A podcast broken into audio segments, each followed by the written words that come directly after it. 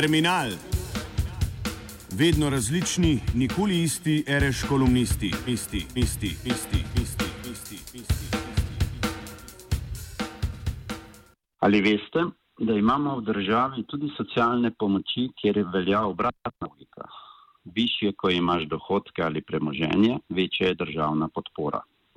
Verjamem, da se vam to zdi nelogično, a točno takšna je veljavna zakonodaja, takšna so izplačila, a nihče na to ni pozoren.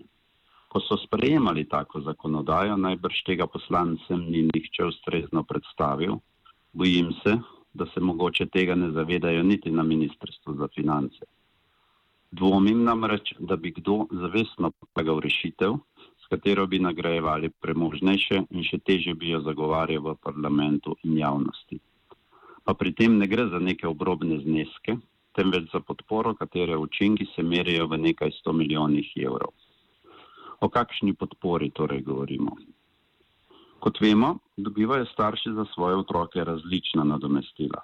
Najbolj znan je otroški dodatek, pri plači nam obračunavajo olajšavo za otroke, potem pa imamo še subvencijo za vrtce ter prehrano in prevoz v šolo. Do večino teh ugodnosti so upravičene predvsem družine z nižjimi dohodki. Če starša prejemata le minimalno plačo, potem dobivata za vsakega otroka okoli 100 evrov mesečnega otroškega dodatka. Seveda pa se ta znesek z rastjo prejemkov postopno znižuje in ko starša dosežeta približno povprečno plačo, otroških dodatkov ni več. Tudi sicer se otroški dodatki prejemajo samo do otroka v starosti 18 let. Kriteriji so torej prejemki, pri čemer strokovne službe usporedno še preverjajo, da nimate slučajno prevelike hiše ali avtomobila, kaj šele kakšno drugo premoženje ali dohodke. Tudi če vam teta iz Amerike podari 10 tisoč evrov, lahko to hitro vpliva na upravičenost do otroških dodatkov. Zato babico vedno zaprosite, da vam morebitno darilo da kar na roke. Nakazilo na vaš ali na otrokov tekoče račun je lahko že sporno. Predvsej drugačna zgodba pa je z olajšavami pri obračunu plač za otroke. Ti prejemki so predvsej bolj skriti, ker jih pač ne dobivamo v obliki nekega dodatnega nakazila, temveč samo kot nekaj višjo plačo. Ob koncu leta svojemu delodajalcu vsi sporočajo, koliko otrok uveljavljajo, le redko kdo pa ve, kako to vpliva na njegovo plačo. Dobi sicer nekaj višji prejemek, a ne ve, koliko bi dobil, če te olajšave ne bi bilo. In zato je ta prejemek kar nekako skrit. Ima pa to državno nadomestilo še drugo pomembno značilnost. Da je namreč vse večje, višjo, ko imate plačo. Poglejmo. Pri obračunu plač nam odtegnejo vse prispevke, obračunajo olajšave, ter izračunajo tako imenovano osnovo za dohodnino. Ta se zniža tudi za olajšave za otroke, kolikor jih je pač kdo od staršev prijavil. Vendar je problem v tem, da ima nekdo z minimalno plačo že toliko rednih olajšav, da dohodninske osnove sploh nima in že brez prijave otrok ne plača nobene dohodnine. In čeprav mu zakonodajalec za prvega otroka dodatno dodatno, nudi dodatno znižanje osnove za 220 evrov, za drugega še dodatnih 368 evrov in tako naprej, mu to preprosto nič ne koristi. Tudi brez otrok bo dobil maksimalno 600 evrov neto mesečne plače in plača ne bo nič večja, na, naj uveljavlja 2, 3 ali 5 otrok. Drugače je pri plači naprimer 1000 evrov bruto. Takrat, če prejemnik nima otrok, plača le 70 evrov dohodnine in zaradi olajšav na otroke se mu plača lahko poveča največ za teh 70 evrov. Kaj pa nekdo, ki prejema 5000 evrov neto plače?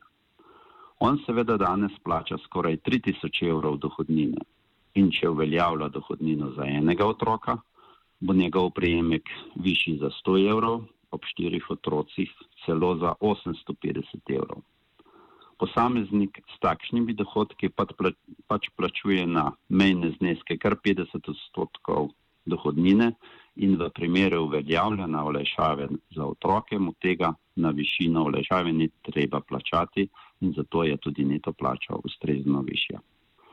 Vidimo torej, da višjo, ko imaš plačo, bolj se ti ta poveča ob uveljavljanju olajšav za otroke. Imamo torej situacijo, da osebe z nižjimi prejemki prejemajo okoli 100 evrov na otroka, vse v obliki samo otroškega dodatka.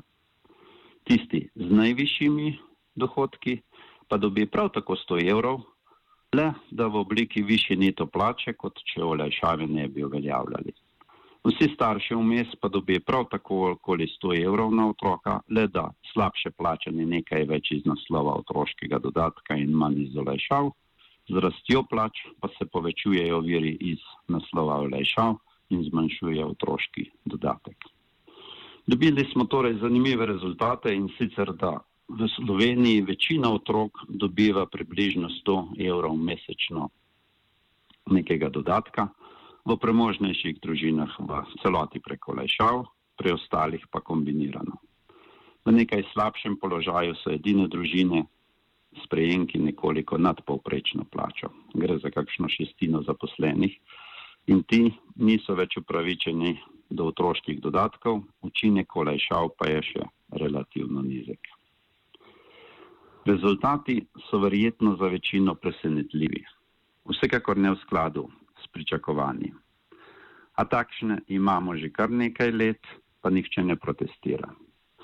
Gre namreč za to, da se više plača za ola, zaradi olajšav pač nikjer ne vidi in verjetno le malo kdo ve, koliko točno dobi več zaradi tega, ker je prijavil otroka. Možnosti imamo sedaj dve. Tudi olajšavo bi lahko preko drugačnega načina obračuna dohodnine opredelili tako, da bi bila obratno sorazmerna z višino prejemkov, tako kot velja za ostale podpore. In torej tako, da bi spremenili obstoječi način preko spremembe zakonodaje. Druga možnost pa je v tem, da lahko sprejmemo tudi stališče, da je takšna distribucija podpor pravzaprav ustrezna. Da torej vsak otrok, ne glede na višino prejemkov staršev, dobi 100 evrov mesečno. V tem primeru pa bi bilo potem smiselno ukiniti obstoječi način ugotavljanja upravičenosti za otroške dodatke in odpraviti olajšave torej vso birokracijo in preprosto vsakemu otroku mesečno nakazati 100 evrov državne podpore. Ta slednji predlog bi bil verjetno predmet kritik, da s tem podpiramo tudi otroke premožnejših družin, ki državne podpore res ne potrebujejo. To sicer drži, a potem se sprašujem, zakaj imamo potem takšno prakso v zakonino že deset in več let se res ne vidi in ne da izračunati. Ta zadnji predlog ima poleg poenostavitve dosedanjega načina pa vseeno odzade še eno logiko. Res smo lahko proti podporam premožnejši, a premožnejšim, a bolje, da to razrešujemo z, bro, z bolj progresivno obdavčitvijo, otrokom pa omogočimo enak status.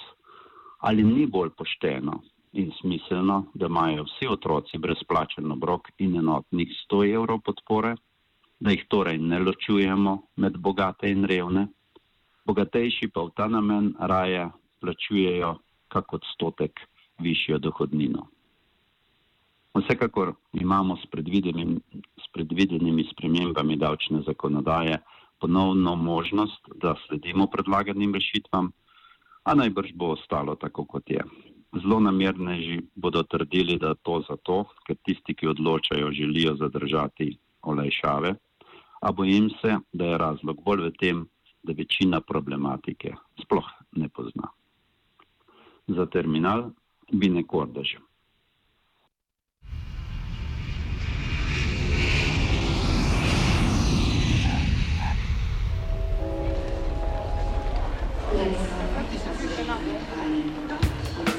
Terminal. Vedno različni, nikoli isti, reš kolumnisti, isti, isti, isti, isti, isti, isti. Poslušate Radio Student. Želimo vam uspešen vzlet in prijetno potovanje.